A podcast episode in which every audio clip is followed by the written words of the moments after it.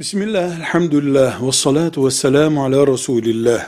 İstirca' inna lillahi ve inna ileyhi raciun demektir.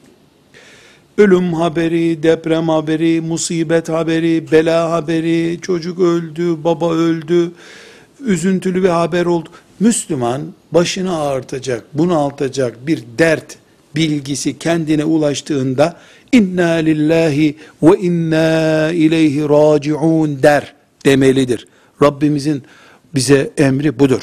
Ne demek inna lillahi ve inna ileyhi raciun? Biz Allah'tan geldik, Allah'a gidiyoruz. Yani başıma bu dert geldi. Zaten ben dünyanın sabit çivisi değildim. Rabbim beni buraya göndermişti. Ben Rabbime gidiyorum deyip Allah'ın huzurunda huzur bulmak demektir bu.